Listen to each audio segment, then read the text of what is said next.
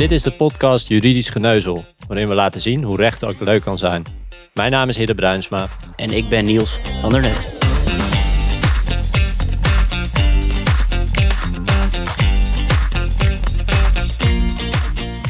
De verkiezingen zitten er weer op en we moesten er nog even van bijkomen. Maar we zijn er weer, aflevering 5. En we gaan het vandaag hebben over de platformeconomie en algoritmes. Maar Niels heeft natuurlijk eerst weer een raar verhaal meegenomen. En Niels, wat heb je vandaag eh, bij je? Ja, het is geen juridische zaak, anders dan anders, maar eh, wel iets wat past bij deze aflevering en wat ja, toch wel raar is. In januari van dit jaar verscheen namelijk het onderzoek van de Algemene Rekenkamer, waarin 86 algoritmes zijn onderzocht bij de overheid, hè, dus de ministeries en instanties als het UWV en de Sociale Verzekeringsbank. Ja, en je voelt het al aankomen. Uit dit onderzoek blijkt dat ministers geen idee hebben welk algoritme er wordt gebruikt en wat hiervan de gevolgen zijn. Nou, wat voor gevolgen dit kan hebben, bijvoorbeeld ethisch gezien, daar komen we nog wel over te spreken. Maar een algoritme is ook gebruikt bij het opsporen van uh, toeslagfraudeurs. En burgers kunnen daardoor onbedoeld slachtoffer worden van, uh, van overheidsdiscriminatie. Ja, interessant verhaal uh, over die algoritmes. Maar we gaan het vandaag natuurlijk hebben ook over de platformeconomie. En wat is die platformeconomie nou eigenlijk? De, de platformeconomie is het leveren van diensten en goederen via een digitale markt. Dus uh, via een website of een app. Nou, als diensten worden geleverd, dan wordt wel gesproken over een kluseconomie of een uh, gig economy. Nou, deze variant staat arbeidsrechtelijk het meest in de schijnwerpers. En ja, dan wordt er eigenlijk door een algoritme vraag naar arbeid gekoppeld aan aanbod van arbeid. Dat zie je bijvoorbeeld in de taxibranche bij Uber of uh, in de schoonmaakbranche bij Helpling, in de horeca bij Temper. En bezorgdiensten als Uber Eats, uh, Deliveroo en Thuisbezorgd. zie je natuurlijk altijd rond fietsen of scheuren op een scootertje. Nou, Amazon en Airbnb zijn ook platforms, maar die leveren goederen. En dat wordt dan geschaard onder een deeleconomie of een sharing economy. Je hebt ook platforms die het allebei doen, dus diensten en uh, goederen leveren. Maar wij zullen het vooral hebben over de platforms die, uh, die diensten leveren. Jij maakt trouwens helemaal geen gebruik van platforms, zelfs Uber en uh, Deliveroo. Nou, ik maak wel gebruik van Airbnb. In ieder geval voor de coronacrisis wel. Maar Uber en Deliveroo, et cetera, allemaal niet. Soms dan wil mijn vriendin wel eens eten bestellen en dan doen we dat. Maar dan voel ik me daarna eigenlijk altijd zo van, ja, ik vind het helemaal niks. Het kost superveel geld, het is helemaal geen lekker eten. En nee, ik ben er geen fan van. Stiekem uh, ben je gewoon te gierig. Dat is mijn buren die bestellen denk ik vijf keer per week uh, eten. Dus ik hoor wel constant zo'n bezorger van, oh ja, zet hier maar neer hoor. Dus ik, uh, ik heb er wel dagelijks mee te maken met het platform-economie. Je bent er toch een soort van bekend mee. precies, precies. Um, maar je had het net over algoritmes bij je, bij je, bij je radenverhaal. Maar je hebt ook machine learning. Dat is ook een term die ik vaak hoor terugkomen. Um, ik snap dan toch nooit zo goed, wat is nou precies het verschil? Ja, dat is, uh, dat is altijd even nadenken en opletten. Dat heb ik ook. Een algoritme is eigenlijk een serie regels die een aantal wiskundige handelingen vaststelt. Er wordt nauwkeurig aangegeven welke stappen er moeten worden gezet. En machine learning is onderdeel van kunstmatige intelligentie en houdt het leren in van een computer op basis van data. Nou, hiervoor worden machine learning algoritmes gebruikt, voor zover je het nog kan volgen. En door de data wordt het algoritme als het ware getraind. En hoe meer data en daarmee dus patronen, hoe beter het algoritme voorspellingen kan doen. Nou, op deze manier kan het algoritme bijvoorbeeld voorspellen in welk stadsdeel veel mensen een taxi gaan nemen of eten gaan bestellen. Nou, technisch verhaal. En uh, wij spraken over de platformeconomie met uh, Maarten Keunen. Hij is hoogleraar sociale zekerheid en arbeidsverhouding aan de UvA. En wij stelden hem de vraag: is platformwerk een mogelijkheid om goed te verdienen en vrij te leven? Of is het eerder een snelle weg naar een onzeker bestaan? En hij antwoordde hierop als volgt. Nou, kijk, allereerst is het zo dat in ieder geval in Nederland platformwerk vooral op het moment een extra activiteit. Een activiteit naast het werk, werk voor een baas, werk als ZZP'er of ook naast het student zijn. Een extra activiteit om het inkomen aan te vullen. Vooralsnog lijken er nog maar weinig mensen te zijn die uh, platformwerk als fulltime activiteit hebben. En dat is ook niet zo vreemd. Kijk, je zou platformwerk kunnen zien als een soort van extreme versie van de flexibilisering en precarisering van de arbeidsmarkt, die in, zeker in Nederland al langer gaande is, hè, met alle vormen van flexconstructies, ZZP-constructies en uh, groeiende groepen met laag betaald werk. Alleen zijn voor platformwerk deze effecten misschien nog wel, nou niet misschien, zijn gewoon veel extremer. Dus voor een kleine groep levert platformwerk positieve flexibiliteit op, goede verdiensten op. Maar voor de meeste mensen is het een uh, onzeker en laag betaald werk zonder sociale zekerheid. En daarnaast hebben platformwerkers alweer met wat uitzonderingen uh, ja, extreem geïndividualiseerde arbeidsverhoudingen, waarin ze zeg maar interacteren met een algoritme dat uh, de arbeidsvoorwaarden en, ook de beschikbaarheid van werk kan aanpassen zonder dat ze daar zelf uh, invloed op hebben.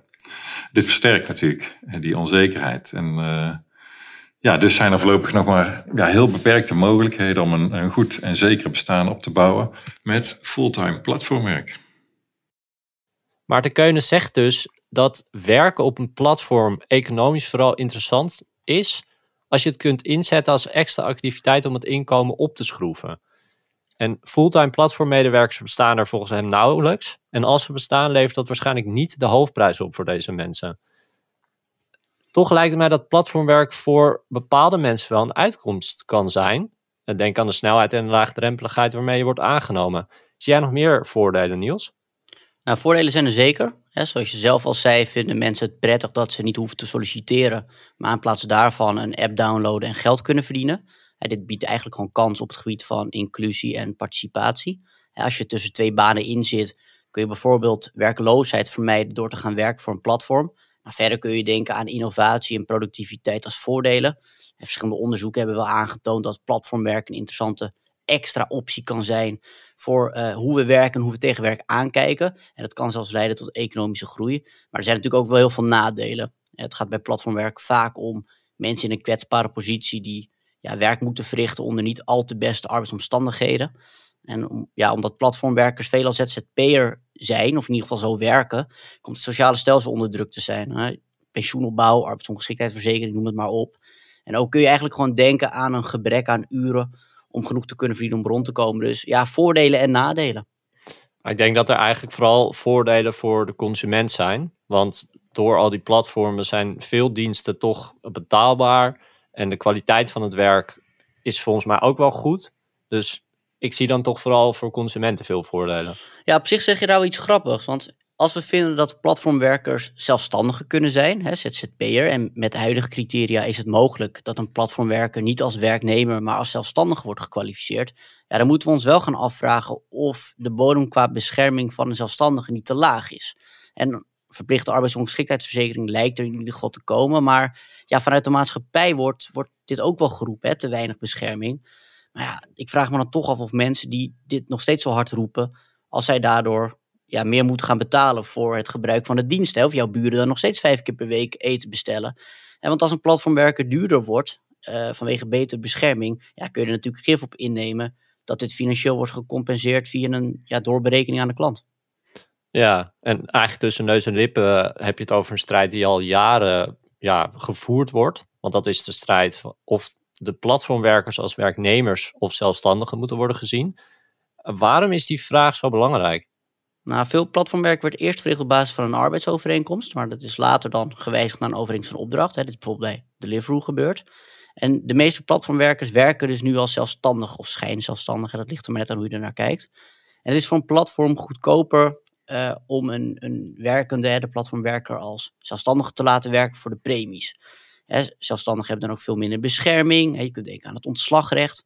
Terwijl als je bij een overeenkomst van opdracht kun je een platformwerker eigenlijk altijd de overeenkomst met hem opzeggen. Je kunt ook denken aan dat een werknemer recht op doorbetaalde vakantie, uh, doorbetaald wordt bij ziekte, uh, doorbetaald wordt bij het wachten als hij bij een restaurant staat en de maaltijd nog wordt gemaakt, bereid en ga zo maar door. Dus ja, met, met andere woorden, als de platformwerker als werknemer wordt gekwalificeerd, ja, wordt daarmee een set beschermde regels binnengehaald en daarom is die vraag zo belangrijk.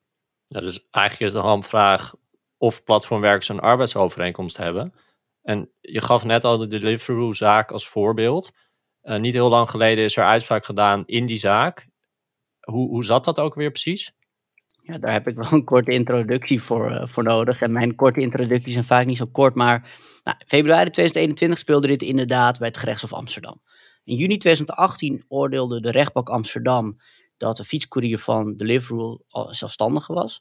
En in januari 2019 oordeelde dezelfde rechtbank dat deze bezorger werknemer was. Nou, dan denk je, hoe kan dezelfde rechtbank bij hetzelfde bedrijf tot een ander oordeel komen?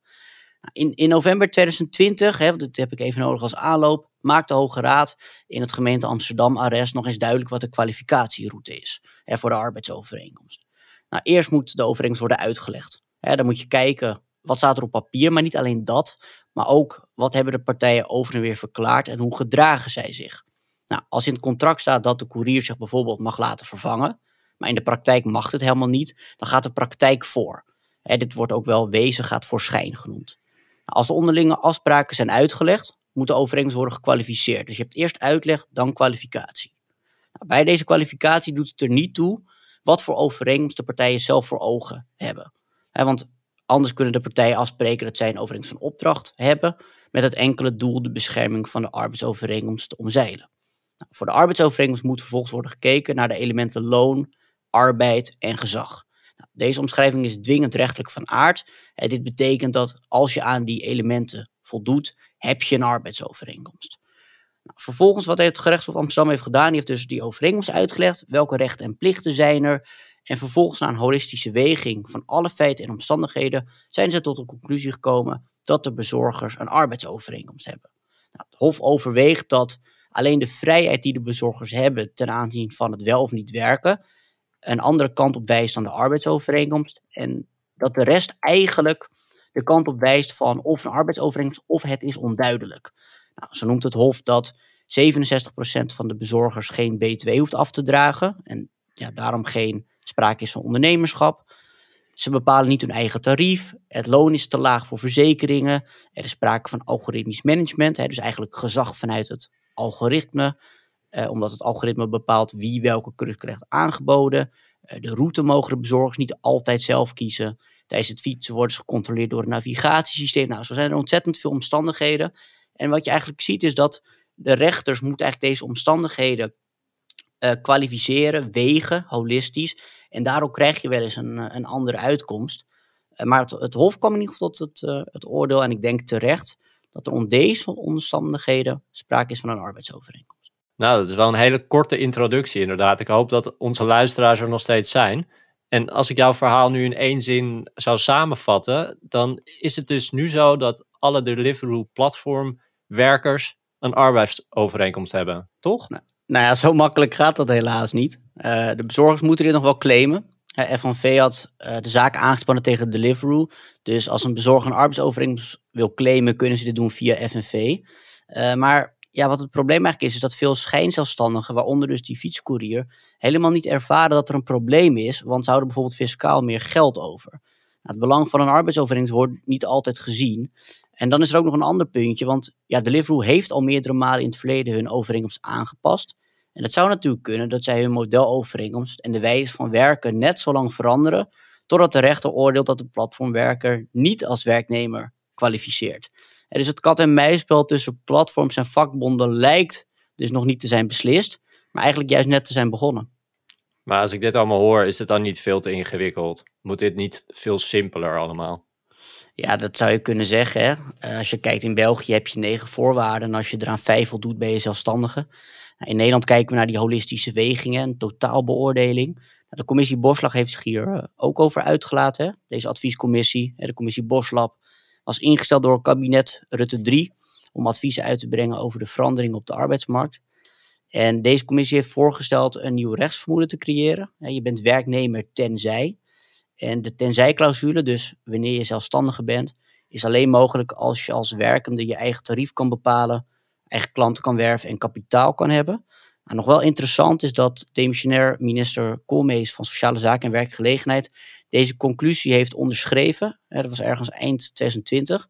Maar de hervorming van de arbeidsmarkt door heeft geschoven naar het volgende kabinet. Dus we gaan hier ongetwijfeld nog, uh, nog wat over horen. Ook als je kijkt naar de verkiezingsprogramma's. Nou ja, wordt vervolgd dus. Over de platformeconomie spraken we ook met uh, Rachel Rietveld. Zij is manager-CEO bij de Arbeidsmarkt Research BV en promovendus aan de UvA en de TU Delft. In haar proefschrift onderzoekt zij de systematisering van open normen in het recht, wat op het snijvlak ligt van recht en technologie. Aan haar stelden we de vraag: welke juridische risico's zie jij bij algoritmes van platforms? Zij antwoordt hierop als volgt. Ik ga even bij het begin beginnen want de term het algoritme bestond al bij de oude Grieken. Het betekent namelijk niets meer dan een doelredenatie. In de simpelste vorm is dat als dit, dan dat. Nou, naarmate algoritmen complexer worden, kunnen zij steeds meer menselijke taken nabootsen. Ze gaan daarvoor door hele grote hoeveelheden data, big data, en zoeken daarin patronen en verbanden. Het is dan artificiële intelligentie dat dan weer leert met zulke algoritmen. Ja, dat is heel gaaf als je bedenkt dat daardoor blinden met een AI-bril kunnen zien en met het idee dat wij door Siri en Google Maps en alles door ons leven gemanoeuvreerd worden. Maar ja, terugkomend op jullie vraag, algoritmes en platformwerk, dat kan ook grote problemen opleveren. Het algoritme handelt al snel als een werkgever en dat mag niet zomaar. Nou, toevallig nog 11 maart jongsleden oordeelde de rechtbank Amsterdam dat Uber en Ola Cabs, twee platformbedrijven, chauffeurs inzicht moeten geven in de gebruikte data. Hun algoritmen leggen namelijk gebaseerd op die data en ratings zelfstandig boetes op, bepalen tarieven, maken een risicoanalyse of de werkers zich wel aan de regels houden en gooit zelfs werkenden van het platform af. Nou, jullie snappen, als dit allemaal kan, is discriminatie door een algoritme een veel voorkomend probleem. Een statistisch verband is niet altijd een oorzakelijk verband. Bedenk ook maar dat een systeem ooit inschatte dat mensen slimmer zijn die krulfriet liken op Facebook. Ja, en bij Amazon bijvoorbeeld werden vrouwen onderop de stapel sollicitaties gelegd omdat het systeem in de data en patroon had erkend dat mannen voorkeur hadden bij technische functies. Als wij dan dus eten bestellen en voorkeur hebben voor een bezorger van een bepaald geslacht of bepaalde afkomst, zonder dat we dat doorhebben, dan neemt het algoritme dit mee en kan het gebeuren dat sommige groepen lagere beloningen of minder of zelfs helemaal geen werk meer krijgen. Nou, dat is natuurlijk niet de bedoeling en leidt tot onrechtvaardige ongelijkheid. Rachel Rietveld zegt dat een algoritme als werkgever kan handelen en dat mag niet zomaar. En bovendien ligt het probleem van discriminatie en onrechtvaardige ongelijkheid door een algoritme daarmee op de loer. En wat ik hier interessant aan vind, is dat deze algoritmes tot stand zijn gekomen door enorme investeringen vanuit durfinvesteerders. Zouden we dus kunnen zeggen dat deze durfinvesteerders in de vorm van een algoritme eigenlijk een nieuw soort digitale werkgevers hebben gecreëerd? En dat deze enorme bedragen ervoor zorgen dat de discriminatie en ongelijkheid een wezenlijk onderdeel van de platformeconomie zijn geworden? Nou, het voorbeeld van Amazon, waar Rachel Rietveld ook even aan refereerde, ziet meer op de kant van HR Analytics. Dus bij een sollicitatieprocedure wordt informatietechnologie gebruikt om te bepalen wie bijvoorbeeld door mag naar de volgende ronde. Nou, als dit proces uh, eigenlijk bepaald meeneemt dat vrouwen of personen met een bepaalde nationaliteit minder snel worden uitgenodigd voor een gesprek, dan zit er in deze data discriminatie verscholen. En niet alleen de platforms hebben hier mee te maken, maar alle bedrijven die met een dergelijk systeem werken. Nou, voor platforms geldt dat dit gevaar niet alleen in de sollicitatieprocedure zich kan voordoen, maar ook in de toewijzing wie welke klus doet en tegen welke beloning. dit wordt natuurlijk gewoon bepaald door het algoritme.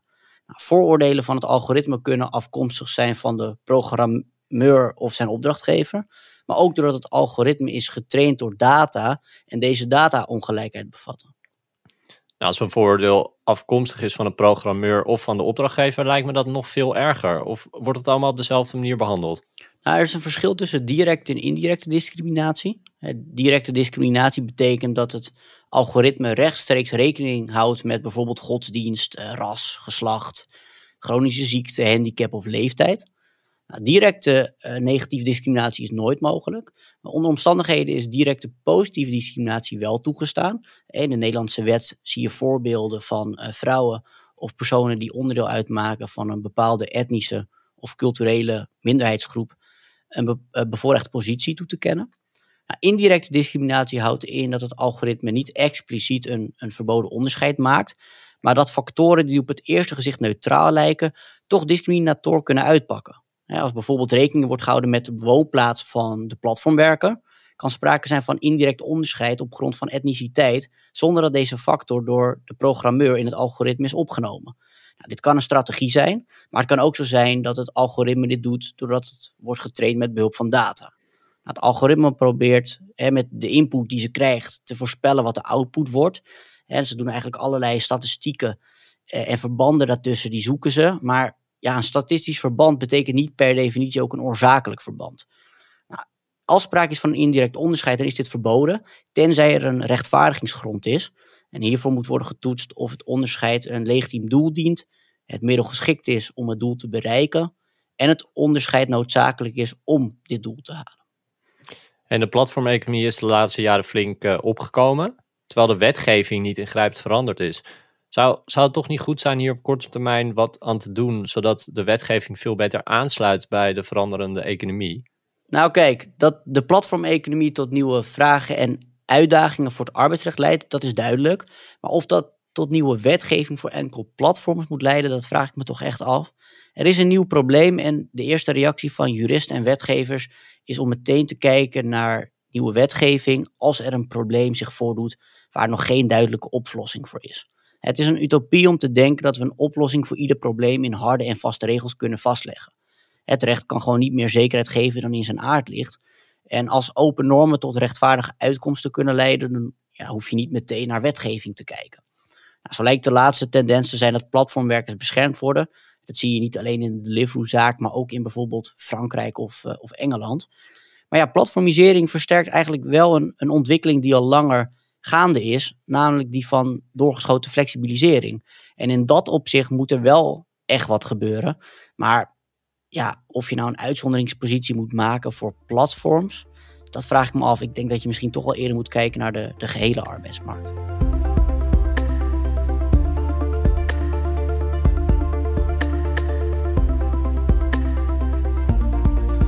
En dan nu nog even graag aandacht voor. En Niels, vandaag ben jij weer aan de beurt uh, om ergens aandacht voor te vragen. En waarvoor wil jij uh, aandacht vragen?